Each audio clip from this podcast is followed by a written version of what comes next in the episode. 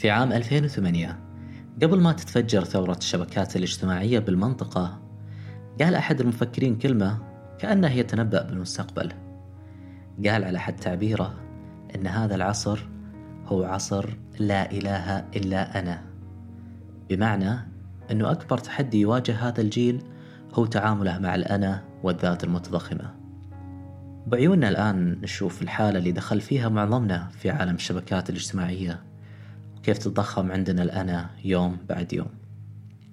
مع كل retweet مع كل إضافة مع كل سيلفي عداد ال followers يتضخم وتتضخم معاه الذات. الإيجو تنتفخ. المعجبين يزدادون وربما الكارهين أيضا. تصبح ذاته حديث الساعة وترند تويتر. وانت اللي ما عندك followers تأسى على نفسك لما تقارن حالك بحالة. دعوات له من كل مكان.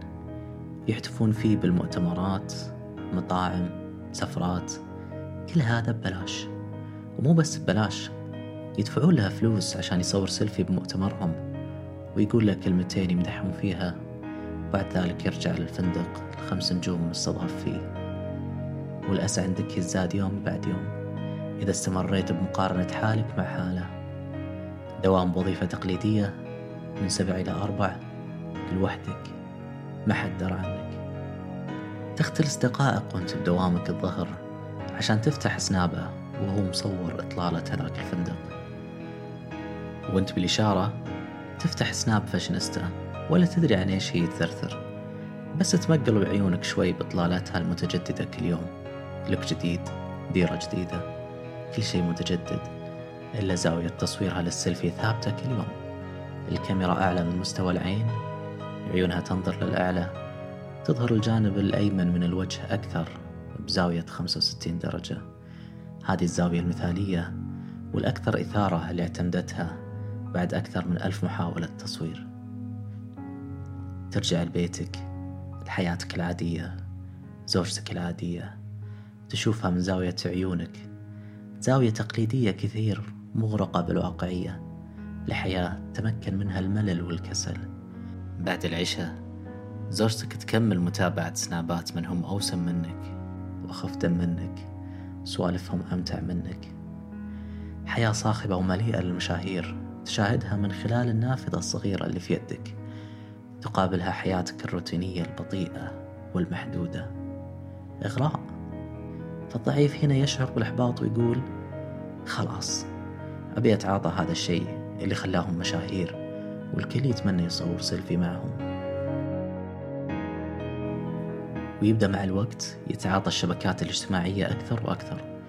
ينتظر ال followers يزيدون بس مو ضابطة معه. شو السالفة؟ يبدأ يسوي أشياء مجنونة بس عشان يلفت النظر.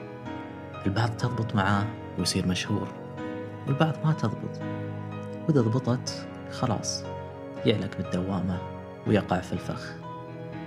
إلى ما يصحى هو وتصحى هي في يوم ما. ويكتشفون إن الكل نساهم. الشهرة ماتت.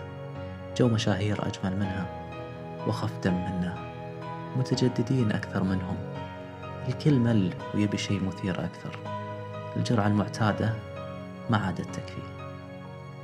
ماكينة استهلاكية تستهلك البشر والمشاعر. تنفخ الإيجو لأقصى مستوى لحد ما ينفجر.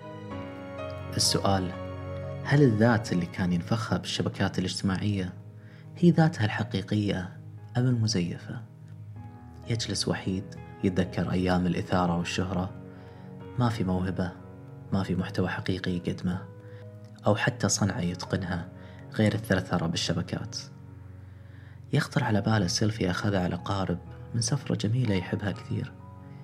يبحث عن الصورة ويكتشف أنه نسى يخزنها طارت بعد 24 ساعة سنابية بعد ما شاهدها أكثر من نصف مليون شخص معظمهم عملوا لها سكيب بلمسة.